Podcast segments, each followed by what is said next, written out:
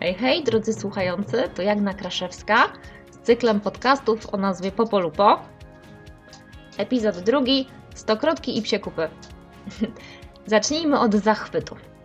Słowo zachwyt, nie wiem jak Wam, ale przy, mnie przynajmniej wydaje się takie być bardzo monumentalne.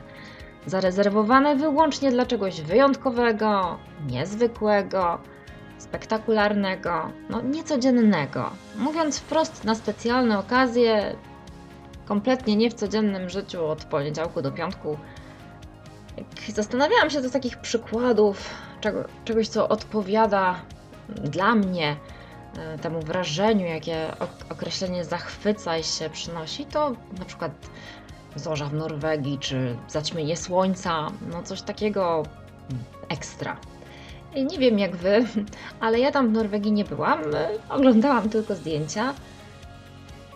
Czy to znaczy, skoro tego nie doświadczyłam, że wobec tego w moim słowniku, a co za tym idzie także w moim życiu, nie będzie nigdy zachwytu? O nie, nie mam zamiaru odbierać sobie przyjemności zachwycania się na co dzień, a nie od wielkiego dzwonu. Nie trzeba, a wręcz nie wolno czekać na wyjątkowe okazje, tylko samemu je tworzyć. Tak, wiem, słyszeliście to już pewnie mnóstwo razy. Wobec tego może powiem trochę prościej. Nawet nie trzeba tych specjalnych okazji, tych wyjątkowych okazji tworzyć, po prostu wystarczy pozwolić sobie je zauważać. Musimy uważniej patrzeć, bo e, każdego dnia dookoła nas no, są powody do tego, żeby się zachwycać.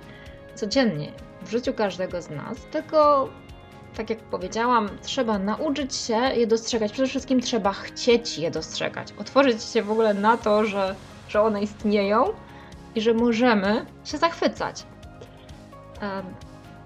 Zachwytu nie trzeba szukać daleko, na przykład w Norwegii, albo nie trzeba na nie czekać długo, jak na zaćmienie słońca.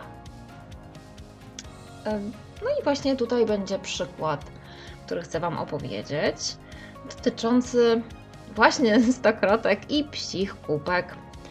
Wystarczy wyjść z domu, by natrawić na trawnik. No, czy mieszkamy w mieście, mniejszej miejscowości, czy większej, zawsze gdzieś się znajdzie jakiś fragment zieleni, prawda? W pobliżu naszego miejsca zamieszkania.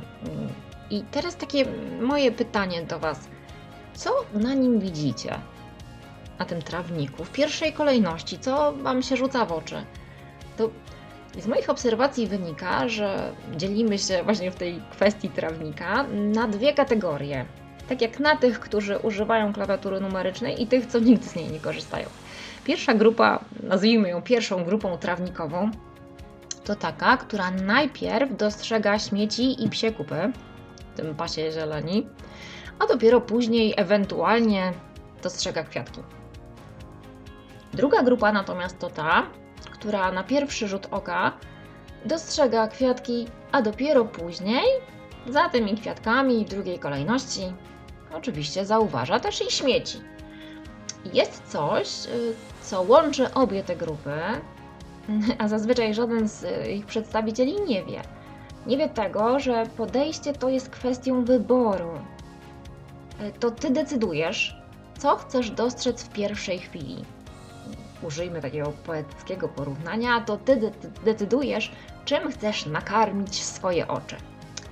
I Naprawdę, nie chodzi o to, żeby mówić, że jest idealnie, że na trawniku są tylko kwiatki, zrzućmy buty, na bosaka pląsajmy mm, z, z, po prostu z wiankiem na, na włosach.